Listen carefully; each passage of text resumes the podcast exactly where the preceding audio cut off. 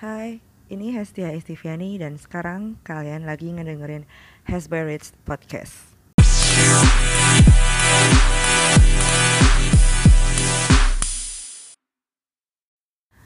Jadi kemarin tanggal 10 November bertepatan dengan Hari Pahlawan, secara rutin Dewan Kesenian Jakarta mengadakan yang namanya kegiatan pidato kebudayaan. Kegiatan ini merupakan kegiatan rutin tahunan di mana merupakan bagian dari perayaan ulang tahun Taman Ismail Marzuki yang diadakan sejak tahun 1989. Nah, setiap tahunnya diundang satu tokoh nasional yang diminta untuk membawakan sebuah pidato yang nanti akan membahas mengenai permasalahan-permasalahan atau mungkin isu yang dilanda oleh bangsa Indonesia namun ditelaah dalam perspektif kebudayaan. Nah, di tahun 2019 ini yang menjadi penyaji dalam pidato kebudayaan adalah Bapak Seno Gumira Aji Dharma. Mungkin kayak sebagian besar dari teman-teman udah tahu deh siapa SGA. Ya biasanya gue menyingkat dengan teman-teman gue sih namanya seperti itu. Um, SGA ini paling dikenal kalau di kalangan teman-teman gue ya itu dengan karyanya sepotong senja untuk pacarku. Katanya itu adalah salah satu karya yang romantis. Meanwhile, gue mengenal SGA sebenarnya dari bokap nyokap gue. Uh, mereka baca dan sepertinya bertumbuh dengan karya-karya SGA memperkenalkan gue dengan dunia sukap ya meskipun gue juga baru mengenal sukap ketika kayak ketika gue udah kerja itu pun dari kumpulan uh, maksud gue dari buku kumpulan dunia sukapnya itu dari sejak itu uh, gue tertarik untuk mendengar lebih tentang SGA apa yang dia katakan opini dia terhadap satu isu uh, kemarin waktu UWRF 2019 atau Ubud Writers and Readers Festival, uh, SGA ini juga ngisi salah satu panel yang gue datengin. Dan di situ gue merasa senang sih karena akhirnya gue mendengarkan lagi pendapat-pendapat dia soal beberapa hal yang menjadi isu di Indonesia. Sewaktu Dewan Kesenian Jakarta membuka pengumuman bahwa uh, pidato kebudayaan dibawakan oleh SGA, uh, gue sih langsung menunggu-nunggu kapan nih tiketing atau pembelian tiketnya dibuka. Jadi ya it's such a bless and a luck gitu kali ya bisa dibilang. Karena gue berhasil mendapatkan tiket uh, untuk bisa mendengarkan pidato kebudayaan tahun 2019 so without further ado silahkan menikmati dan mendengarkan pidato kebudayaan 2019 yang dibawakan oleh Seno Gumira Aji Dharma berjudul Kebudayaan dalam Bungkus Tusuk Gigi. Selamat malam saudara-saudara. Izinkan saya membaca pidato Dewan Kesenian Jakarta Pidato Kebudayaan 2019 Dewan Kesenian Jakarta yang berjudul Kebudayaan dalam Bungkus Tusuk Gigi. Ibu, Bapak, saudara-saudara saya yang terhormat. Suatu ketika dalam perjalanan hidup saya yang begini-begini saja, tersesat, tersesatlah saya di rimba filsafat. Tempat semua orang biasanya mengira. Di sinilah tempatnya mencari sesuatu yang disebut kebenaran. Suatu ketersesatan yang sungguh saya syukuri. Karena di sini saya mendapatkan kesadaran betapa saya ini cuma orang bodoh. Dalam kebodohan itulah justru saya mendengar ujaran yang kira-kira seperti berikut. Kata kebenaran lebih baik tidak digunakan, dihindari, atau digunakan dengan hati-hati sekali. Karena kebenaran, meskipun ada, tidak bisa diketahui Buset. Apakah kalimat ini merupakan kebenaran? Sebagai orang bodoh, tentu saja saya wajib belajar. Betulkah kebenaran itu tidak dapat diketahui? Begitulah seperti Bima yang menurut saja ditugaskan Pak Guru Dorna pergi ke tengah laut mencari air suci supaya terbunuh oleh naga Saya mengarungi samudera tempat bertiupnya badai wacana-wacana yang saling bertentangan. Tiada habisnya. Seperti pernah digambarkan Putanakung dalam Siwara Trikalpa pada pertengahan abad ke-15. Manuk asuka sukan mengwin panramnya masa uran. Kadi papupul isan rintet wajiat nikah amasan. Burung-burung menghibur diri di antara reranting. Bahagia saling bercuit. Seperti pertemuan para pakar yang berdebat mencari kebenaran esoterik. Rupa-rupanya sarkasme soal perebutan klaim kebenaran sudah terendus dalam dunia Jawa kuno yang sunyi. Setelah sekian waktu mengarungi hirup pikuknya intelektualisme seperti orang kurang pekerjaan.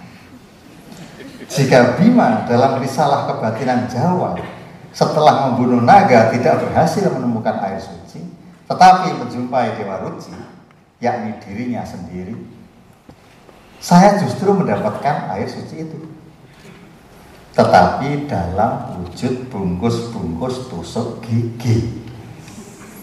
Nah, bagaimanakah kiranya bungkus-bungkus tusuk gigi ini dapat menyampaikan wacana kebenaran.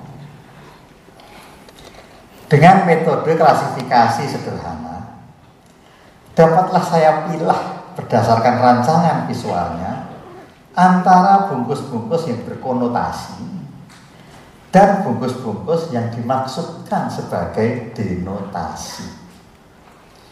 Dalam pelajaran bahasa untuk sekolah dasar, Pengertian konotasi berlaku untuk suatu kata dengan makna tambahan. Sedangkan pengertian denotasi berlaku untuk makna sebenarnya. Maka apabila bungkus-bungkus tusuk gigi berkonotasi ini dicermati, segera tampak bahwa rancangan visualnya tidak mengutamakan tusuk gigi yang dibungkusnya, melainkan sesuatu yang lain sama sekali.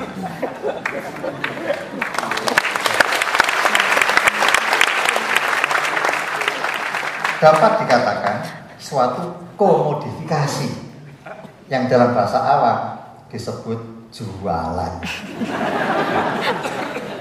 Dengan makna tambahan masing-masing yang tidak seragam, konotasinya pun jadi beragam. Seperti bisa disaksikan dari contoh seperti itu. Sebaliknya, bungkus-bungkus tusuk gigi yang dimaksudkan sebagai denotasi, yakni yang berarti makna sebenarnya, jelas mementingkan isi yang dibungkusnya. Tiada lain, tiada bukan, adalah produk ilmu pengetahuan, teknologi, dan peradaban yang disebut tusuk gigi. Dengan begitu, istilah makna sebenarnya berada di jalur aliran kepercayaan yang mengandaikan bahwa mencapai kebenaran adalah mungkin. Maka lahirlah bungkus-bungkus tusuk gigi tanpa embel-embel seperti berikut. Kiranya tidak perlu pertimbangan terlalu lama untuk menyaksikan bahwa ketika setiap versi denotasi alias makna sebenarnya yang secara kontradiktif dapat pula disebut versi kebenaran ini terhadirkan. Ternyatalah bahwa tiada kebenaran yang tunggal. Karena ternyata setiap usaha menyampaikan denotasi merupakan konotasi pula. Sedangkan usaha menyuruh ke dalam argumen pembenaran atas hakikat keberadaan tusuk gigi ini justru menghasilkan keberagaman konotatif yang menggugurkan ideologi kebenaran tunggal itu sendiri. Dalam kenyataannya, apabila bungkus-bungkus yang berideologi komodifikasi maupun kebenaran tunggal ini diaduk secara acak, segenap artikulasi atas ideologi masing-masing hanyalah menghasilkan pertarungan konotasi. Apa yang kemudian tersahihkan sebagai denotasi atau makna sebenarnya tiada lain tiada bukan adalah konotasi yang paling dominan, yang paling hegemonik, yang paling berkuasa. Begitu berlaku dalam wacana bungkus tusuk gigi, begitu pula yang berlaku dalam kebudayaan. Dengan petunjuk dari berbagai macam penanda yang jauh lebih kompleks dan karenanya menuntut tanggung jawab yang lebih besar. Meski hanya sekedar untuk menyimpulkan. Persoalannya terlalu sering manusia itu sudah berdebat dan saling membunuh cukup berdasarkan asumsi bahkan ilusi yang sama sekali tidak dapat dipertanggungjawabkan. Ibu, bapak, saudara-saudara saya yang mulia. Jika kemudian akan ditemukan suatu bukti bahwa terdapat suatu bentuk kuasa yang dominan, dapatlah kiranya diyakini betapa pada saat yang sama terdapat pula perlawanan terhadapnya. Tiada kekuasaan tanpa perlawanan. Dan karena itulah kebudayaan cepat atau lambat akan selalu tergerakkan. Apa boleh buat? Kebudayaan memang adalah situs pertarungan ideologi itu sendiri. Ideologi sebagai suatu cara memandang dunia, disadari maupun tak disadari beroperasi dalam berbagai bentuk artikulasi, reartikulasi, maupun disartikulasi dalam suatu perjuangan untuk merebut, menguasai, dan ujung-ujungnya menetapkan beban makna di wilayah kebudayaan tersebut. Adapun makna yang diperjuangkan tersebut dipercaya, didalihkan, diargumentasikan, dipropagandakan, dan bila perlu dipaksakan sebagai sesuatu yang baik. Dalam konstruksi kuasa itu apa yang disebut institusi pendidikan, tradisi, agama, regulasi, media, dan jangan dilupakan institusi militer maupun negara itu sendiri menyodokkan peran dan posisi dalam kepentingan setiap kelompok yang dominan maupun yang pinggiran dan melawan. Sehingga berlangsungnya kebudayaan ternyata memang merupakan proses hegemoni. Dalam proses ini kuasa sudah lepas dari genggaman klasikal negara. Yang kini hanya merupakan bagian saja dari hubungan-hubungan kuasa yang bersirkulasi di antara halayak antar manusia antar golongan, antar bangsa. Tanpa jaminan bahwa suatu gerakan politik identitas akan dipenuhi dan terpuaskan. Dari jalanan bisa didapatkan ilustrasi yang berlangsung setiap hari di depan mata. Sementara perdebatan tentang berhijab atau tak berhijab seperti tak akan pernah mencapai hasil akhir Regulasi bahwa tanpa pandang bulu pengendara motor wajib mengenakan helm sudah final dan sepakati semua golongan. Tetapi jika dikatakan bahwa peraturan lalu lintas lebih dituruti daripada peraturan agama, tentunya bisa menyinggung perasaan. Namun masih menarik untuk menampilkannya sebagai kondisi pasca modern.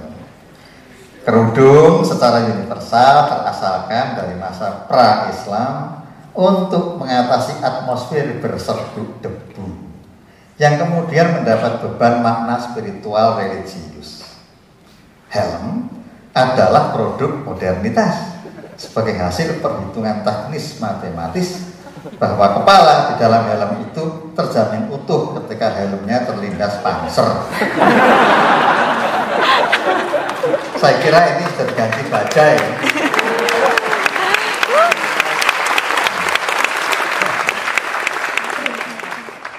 Kiranya cukup tergambar, bahkan secara harfiah, bagaimana kuasa sebagai bentuk aksi dan relasi antar manusia akan selalu bernegosiasi dalam setiap interaksi yang selamanya tiada akan pernah stabil dan mapan. Hubungan-hubungan kuasa semacam ini membuat setiap pribadi merasa terawasi dan menanamkan suatu disiplin kepada diri sendiri yang melibatkannya ke dalam politik identitas berkepanjangan. Politik identitas yang berkembang menjadi proyek identitas ini, yakni perjuangan berkelanjutan untuk menegaskan identitas, akan segera terbentur konsep identitas yang tidak lagi menjanjikan identitas terisolasi dan tidak bebas dari hubungan-hubungan kuasa yang menjadikan setiap identitas sekaligus merupakan kebergandaan identitas seperti yang berlangsung dalam padan helm dan jilbab tadi. Kebergandaan identitas ini masing-masing maupun bersama-sama dapat menjadi sumber kekayaan maupun sumber konflik yang disadari atau tidak merupakan praksis politik identitas manusia dalam membangun ruang hidupnya sendiri melalui cara berbahasa.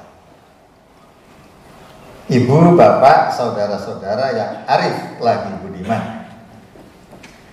Perso apabila persoalan identitas ini ditempatkan dalam situs bahasa sebagai unsur kebudayaan terpenting, tetapi termasuk yang paling diabaikan. Keberadaan bahasa dalam konteks urban sebagai ruang kehidupan pluralistik meruntuhkan kelompok-kelompok statis dan homogen sehingga proses relokasi dan hibridisasi kultural menjadi vital. Saat populasi lokal suatu tempat tertentu menjadi semakin multi etnik dan multikultural, serta wilayah fisiknya semakin tersaling silang dan menerima semakin banyak kelompok temporer, maka identitas tempat itu akan semakin terpecah-pecah Mengingat yang disebut tempat adalah ruang sosial, ini berarti identitas diri manusia di dalamnya lah yang terpecah-pecah.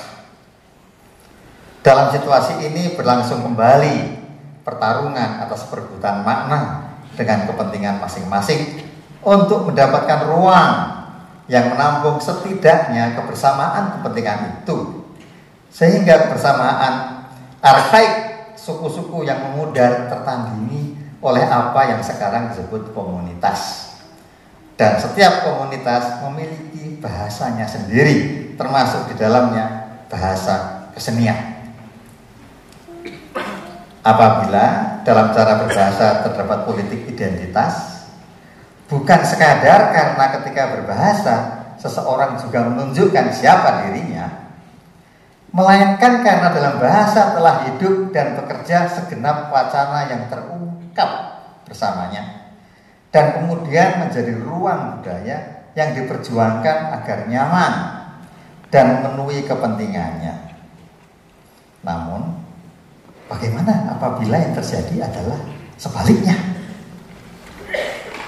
Dalam konstelasi bahasa di Indonesia dapat disaksikan bahwa selain terdapat sejumlah kecil bahasa daerah yang menyeruak keluar dan tersebar di berbagai daerah lainnya, lebih banyak lagi bahasa-bahasa daerah yang bukan hanya terkucil dan terasing, melainkan diduga kuat pasti akan punah tanpa sempat tersimpan dalam dokumentasi, jangan pula dikatakan alih wahana sama sekali.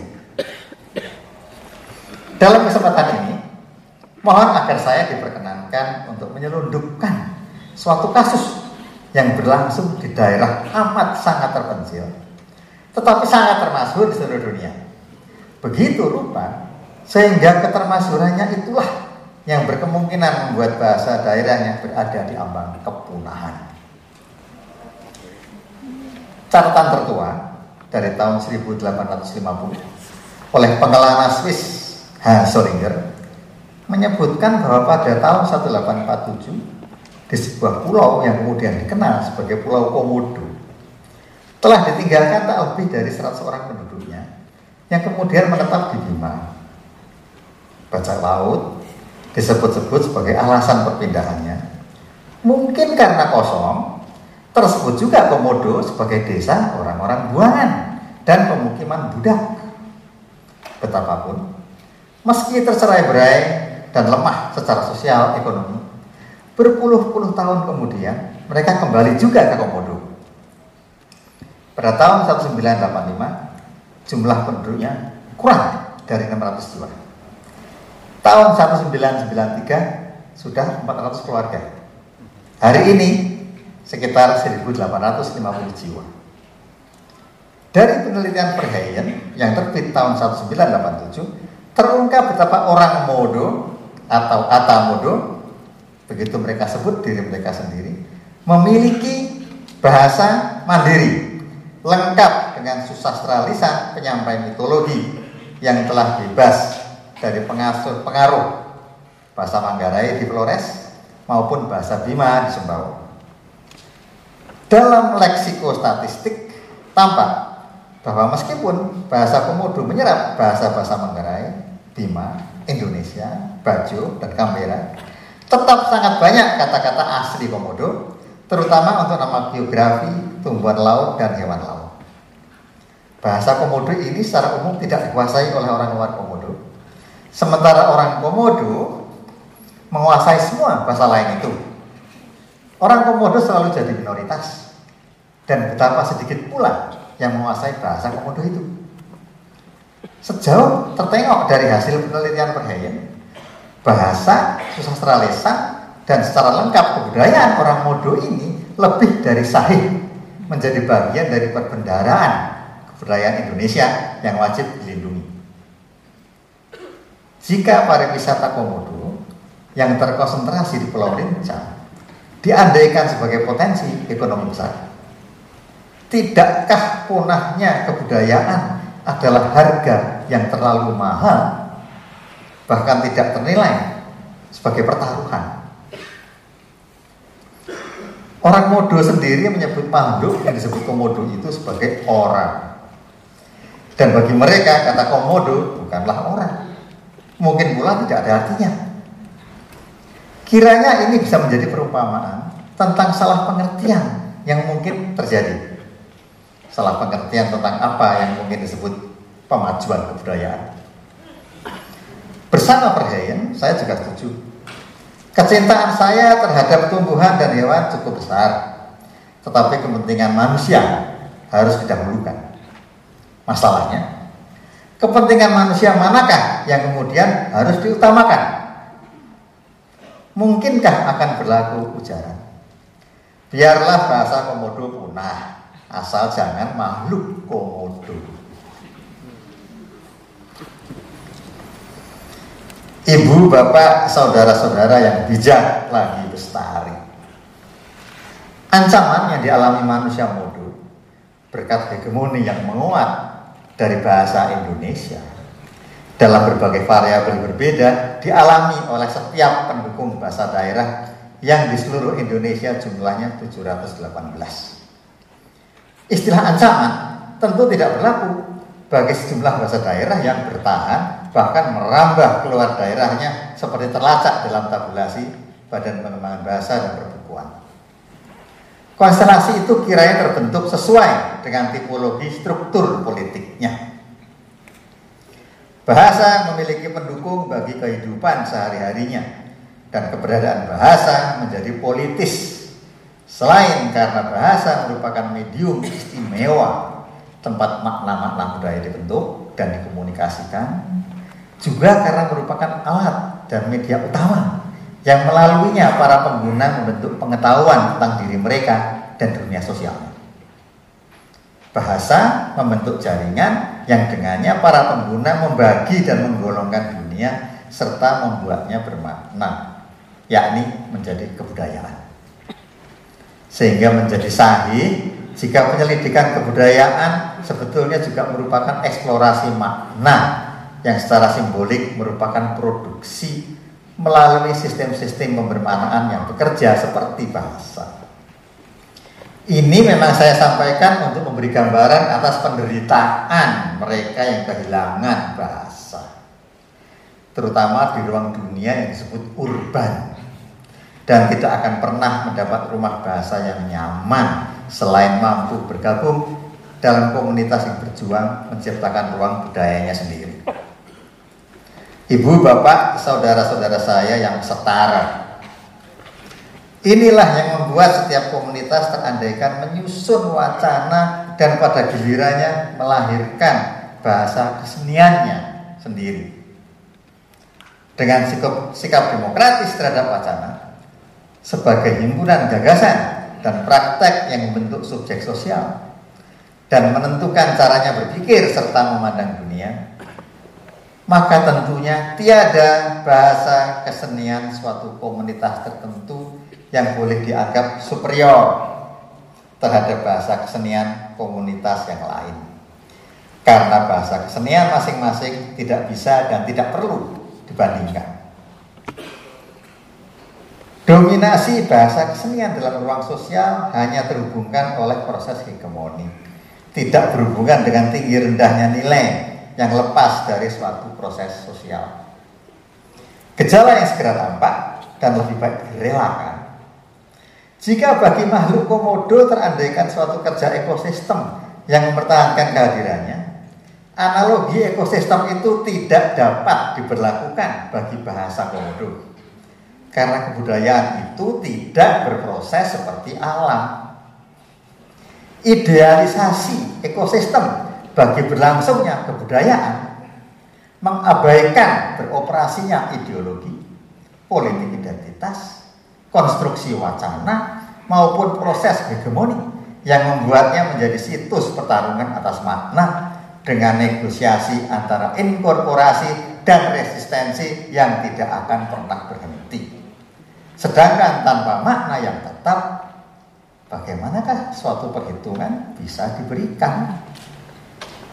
Sampai di sini diperlukan suatu konsensus sosial dengan derajat yang tinggi agar kebudayaan tetap bisa berlangsung. Dengan kesepakatan bahwa ketika tak terbantah mustahilnya kebenaran diketahui, tetap bisa dilakukan pemeriksaan atas kelas pernyataan. Maka dalam pernyataan hak atas kebenaran atau klaim, setiap komunitas atas kesahihan bahasa kesenian maupun strategi berkeseniannya sebagai yang terbaik, paling baik, bagaikan tiada lagi yang lebih baik, segenap bentuk pengujian tersepakati tetap dapat berlaku. Apakah kelas pernyataan suatu komunitas itu argumentatif, relevan dan mengantisipasi masa depan dengan pengenalan terbaik atas gejala-gejala hari ini? Ataukah impian di kasur tua yang romantik penuh dengan ilusi betapa kesenian itu sakral dan karena itu tampak mengharukan? Ibu, bapak, saudara-saudara saya yang kritis di ruang urban yang banal Apakah yang telah kita capai di ujung laju pertumbuhan kebudayaan? Dengan segala hormat, dalam kesempatan ini semoga saya terizinkan untuk mencatat pencapaian mutakhir dalam eksplorasi bahasa. Sejauh dapat saya tengok dari Taman Susastra Kontemporer. Nun pada tahun 1973 Seorang penyair bernama Sutarji Kalsumbahri melontarkan kredo puisi yang sebagian saya kutip seperti berikut. Kata-kata bukanlah alat mengatakan pengertian. Kata-kata harus bebas dari penjajahan pengertian, dari beban ide. Kata-kata harus bebas menentukan dirinya sendiri. Menulis puisi bagi saya adalah membebaskan kata-kata yang berarti mengembalikan kata pada awal mulanya. Pada mulanya adalah kata dan kata pertama adalah mantra. Maka menulis puisi bagi saya adalah mengembalikan kata kepada mantra. Dengan kredo seperti itu, pembaca mendapatkan puisi antara lain seperti berikut.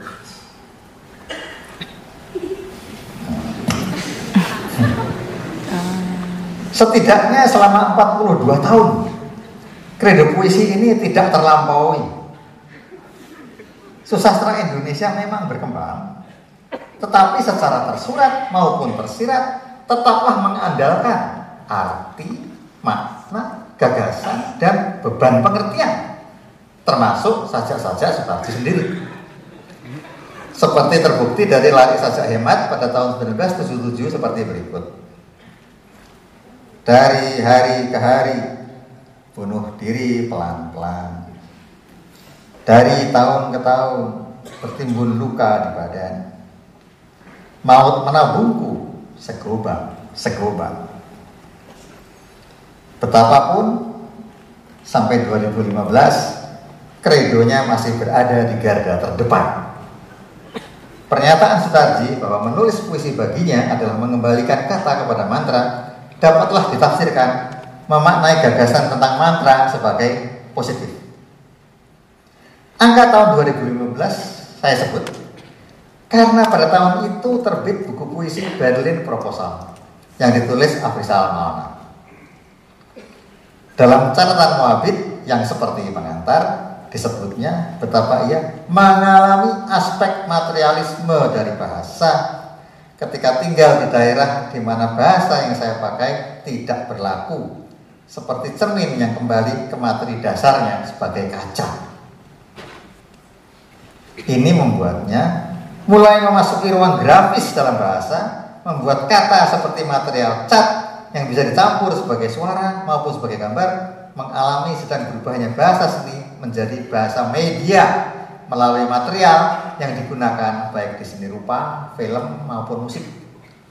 Tidak ada lagi bahasa seni pada dirinya sendiri kecuali materi maupun data yang digunakan. Maka dapat ditengok puisi Afrizal berikut. Bagaimana makna dipikirkan? Menurut Afrizal, ini merupakan jalan keluar untuk memecahkan masalah bahasa sebagai representasi yang tidak bertemu dengan referen maknanya. Pengalaman sangat mendasar untuk retreat makna dari bahasa. Ketika makna memasuki bahasa dan menguasai kata, maka kepada tanda, maka kata berubah menjadi mantra seperti darah yang disiramkan kepada tanda untuk menjadi ikon atau mitos. Jadi, yang bagi Sutarji itu positif, kata yang dibebaskan dari maknanya adalah mantra, bagi Abrizal adalah negatif. Justru karena mantra dikuasai makna. Sehingga perlu retreat makna dari bahasa. Namun Abrizal menuliskan mantra sebagai mantra tanda kutip, yang bisa berarti bukan mantra. Yang jelas, kedua sasa ini sama-sama menunjukkan keberangkatan dari abjad. Seperti terlihat dari padan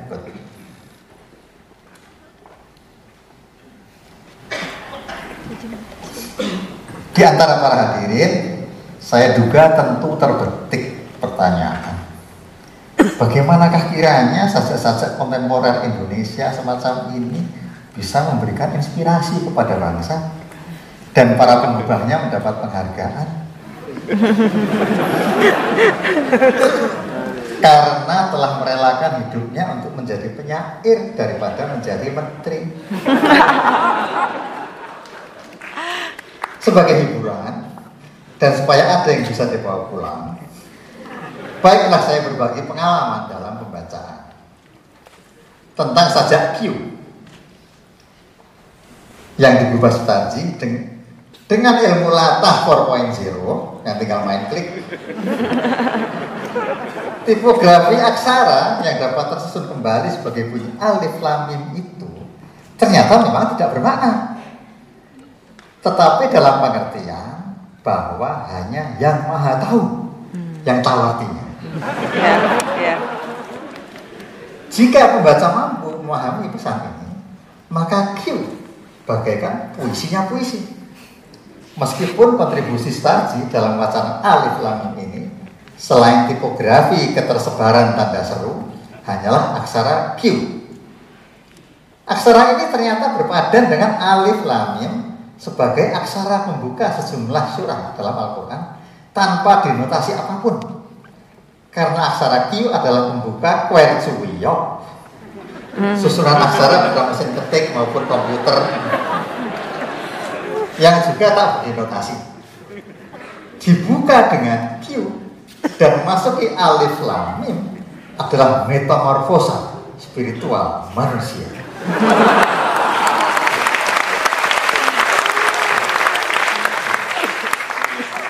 Bagaimana dengan saja memotret cermin gubahan Afrizal yang seperti gambar? Jika berminat membongkar struktur dan memahaminya, mohon waktu untuk mengikuti gerak dalam saja melalui gambar-gambar berikut. Dalam memotret cermin, pembaca akan mengikuti konvensi urutan aksara A sampai Z dan karena itu akan mengikuti garis lurus untuk kemudian memutar searah jarum jam sampai empat kali. Dalam persilangan garis lurus, empat aksara C, H, M, R akan melebur. Sedangkan Z tertinggal sendirian. Dari pengamatan ini akan ditemukan permainan situasi seperti berikut. Satu, kecenderungan arah A lurus dan berputar. Dua, A lurus, B berputar. Dua, kecenderungan sentralisasi. Tiga, kecenderungan marginalisasi. Apakah terlalu keliru jika disebutkan pergulatan aksara-aksara ini sebangun belaka dengan pertarungan atas makna dalam kebudayaan yang berlaku pula bagi segenap dimensi yang dikandungnya termasuk politik kekuasaan. Seperti cermin yang tersadari sebagai kaca, begitu pula penyair menguak bahasa betapa abjad yang paling lurus pun tak terhindar untuk menjadi politis dan susunan sebenarnya hanyalah sebuah mitos. Begitulah dalam sastra kontemporer Indonesia dalam penilaian positif negatif terhadap wacana tradisional seperti mantra tercermin persoalan kebudayaan sepanjang masa bahwa klaim kebenaran terus saling berkontestasi. Kredo Sutarji pada 1973 atas pembebasan kata dari makna memang belum terlampaui. Tetapi 42 tahun kemudian pada 2015 sudah tertandingi.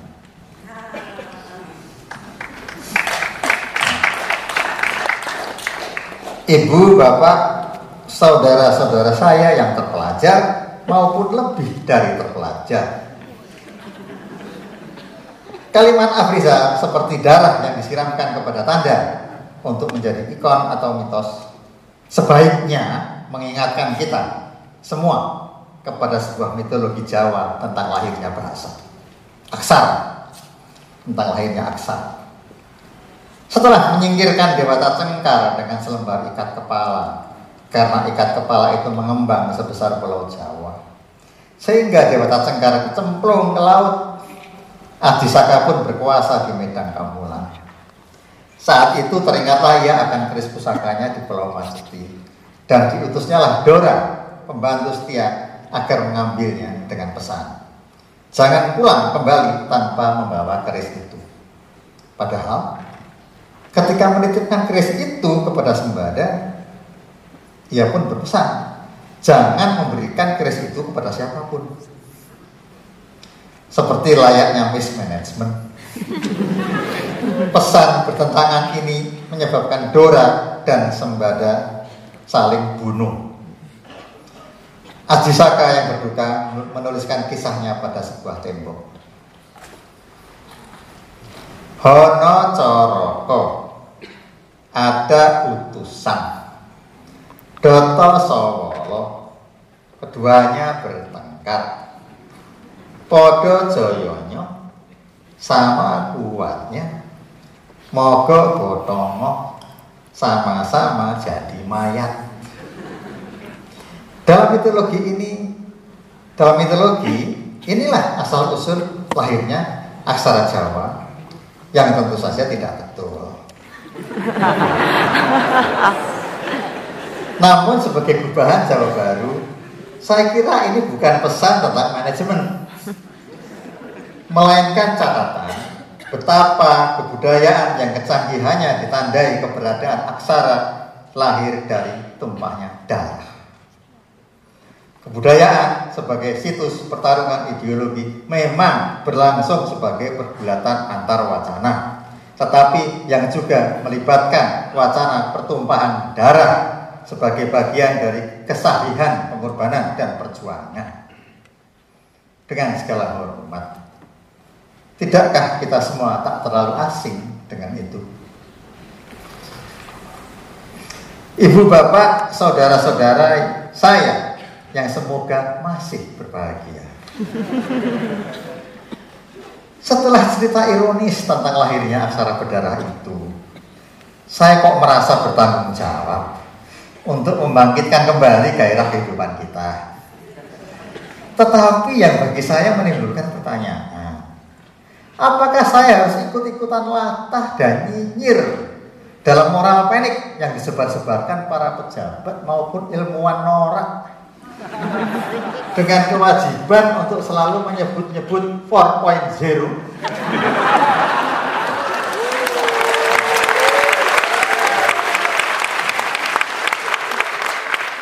Kenapa saya menyebutnya sebagai kepanikan moral? Karena dalam penganjuran untuk waspada terhadap perubahan zaman dengan merangkul kebudayaan elektronik secara total sekaligus terdapat nada khawatir betapa Indonesia berkemungkinan besar hanya akan ketinggalan dan gagal. Dengan ilmu klaklik-klaklik tersebutlah bahwa faktor-faktor 4.0 adalah interkoneksi, transparansi, transfer informasi, bantuan teknis, dan keputusan tak terpusat. Kalau hanya ini, saya kira pengalaman Indonesia terlalu besar untuk melakukan adaptasi, tetapi lagi-lagi dalam paham negosiasi. Sebagai keterikatan bersama dari kubu-kubu berlawanan dalam suatu proses yang berjalan dari menerima maupun sebaliknya, yakni justru memberi. Dalam konteks Indonesia terbukti bahwa bukan hanya 4.0, tetapi mundur ke belakang Gejala 3.0, 2.0, bahkan 1.0 tidak dialami sebagai kontinuitas linear. Melainkan saling bertumpang tindih menciptakan suatu organisme kebersamaan antar dimensi yang meskipun kadang-kadang terasa sebagai kekacauan dan absurd, tetapi dalam kenyataannya sampai hari ini bangsa Indonesia itu selamat.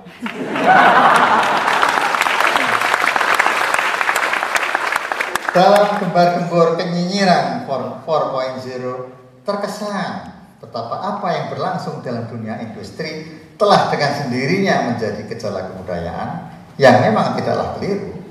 Tetapi yang dalam pendapat saya tidak harus selalu secara harfiah bermakna adu kecepatan.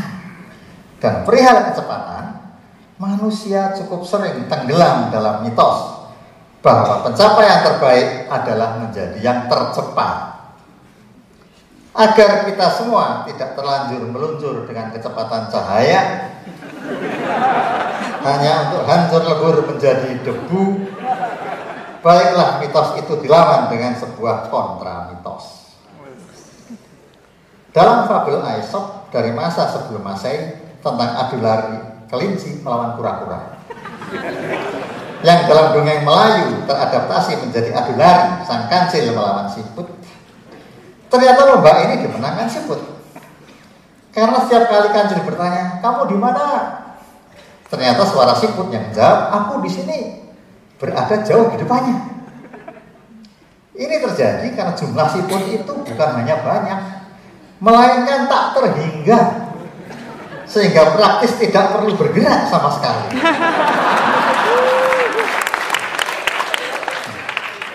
Dalam falsafah dini untuk anak-anak, ini bermakna otak mengalahkan otot. Dalam fisika, waktu yang melesat pun tidak akan pernah melampaui ruang. Dalam wacana kritis, yang lemah itu tidak selalu harus dianggap sebagai yang kalah. Gagasan abstrak ini harus ada bukti konkretnya. Baiklah dipertimbangkan suatu simulasi berdasarkan apa yang pernah berlangsung dalam persaingan bisnis Mingko Babat dengan kronologi seperti berikut. Atas nama ideologi enak, representasi enak diwujudkan sebagai kereta api yang melaju dengan cepat.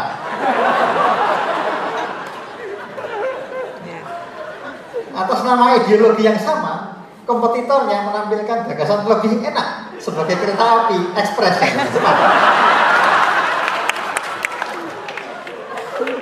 Untuk menampilkan yang lebih enak lagi, kompetitor lain menghadirkan kereta api diesel tiada lain bagi produsen semula untuk meyakinkan pasar bahwa jualannya paling enak dengan imbuhan pesawat jet. Imaji paling cepat.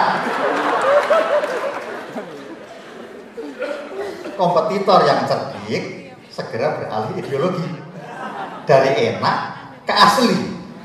Dan yang asli dalam genre kecepatan adalah genesisnya yakni kecepatan terlambat selambat laju setahun.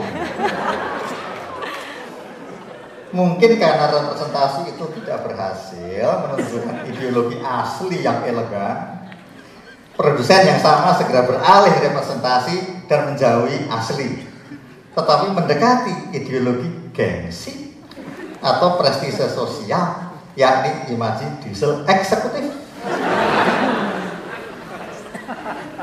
Pedagang mie babat di stasiun Tawang Semarang pada suatu masa menyadari sepenuhnya bahwa kecepatan tidak perlu menjadi berhala. Tahun-tahun belakangan ini karakter dan tempo globalisasi berubah. Kecepatan integrasi ekonomi di seluruh dunia berdasarkan berbagai cara pengukuran sebagian diperlambat karena reaksi dari apa yang pada 2015 oleh Ajit Bakas, pengamat tren Belanda, disebut sebagai globalization. Semenjak krisis finansial dunia tahun 2008-2009, investasi lintas batas, trade, pinjaman bank, dan mata rantai pasokan telah menurut sehingga masa keemasan globalisasi sejak 1990 cukup berlangsung sampai 2010 saja. Globalisasi telah memberikan sumbangan tetapi kelewat sedikit yang dilakukan untuk mengurangi ongkosnya. Masalah masalah dunia ter, terintegrasi sudah sampai kepada titik tempat keuntungan dari tata global mudah dilupakan. Sedangkan solusi yang ditawarkan tidak sepenuhnya merupakan perbaikan. Globalization disebut lebih kejam dan lebih kurang stabil daripada globalisasi. Ini bukan hanya berpengaruh melainkan menentukan konstruksi kebudayaan.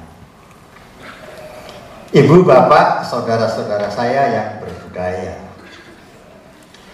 Gejala semacam ini kiranya menunjukkan betapa cara berkompetisi, berpolitik, dan berjuang tidaklah harus selalu menyerah dan pasrah ke dalam hegemoni wacana kelompok dominan. Dalam akhir petualangan, di belantara tanda-tanda dalam bahasa, susastra, aksara, maupun dongeng kanak-kanak sederhana. Saya akan kembali kepada temuan dari perbincangan bungkus tusuk gigi. Bahwa bersama kebenaran, kebudayaan terlalu sering terpahami sebagai ilusi yang tidak dapat dipertanggungjawabkan.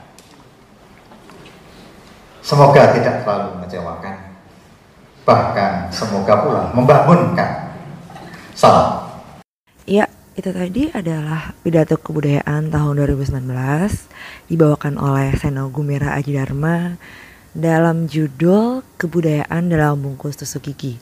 Sebenarnya kalau teman-teman berada di area acaranya di Teater Jakarta Taman Ismail Marzuki itu kerasa banget bagaimana SGA membahas fenomena yang ada di Indonesia dengan sangat apik nyindir-nyindir alus tapi sebenarnya juga ngena karena kita pun um, merasakan hal seperti itu. Dan ketika SGA sedang membawakan pidato didukung juga oleh visual yang berada di belakang layarnya dia menjelaskan beberapa bagian misalnya soal puisi. Uh, mungkin kalau tadi dengar uh, dia mengatakan seperti tampilan atau seperti yang ada di berikut ini. Nah itu merujuk pada tampilan layar yang ada di belakangnya dia.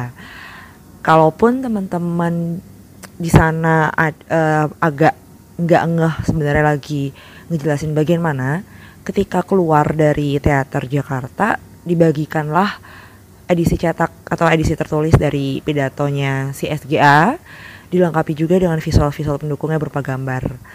Cukup komprehensif sih, jadi sangat membantu teman-teman yang tadi kayaknya gue ada miss di beberapa bagian deh. Ya udah bisa baca di uh, bagian printed editionnya dari pidato itu.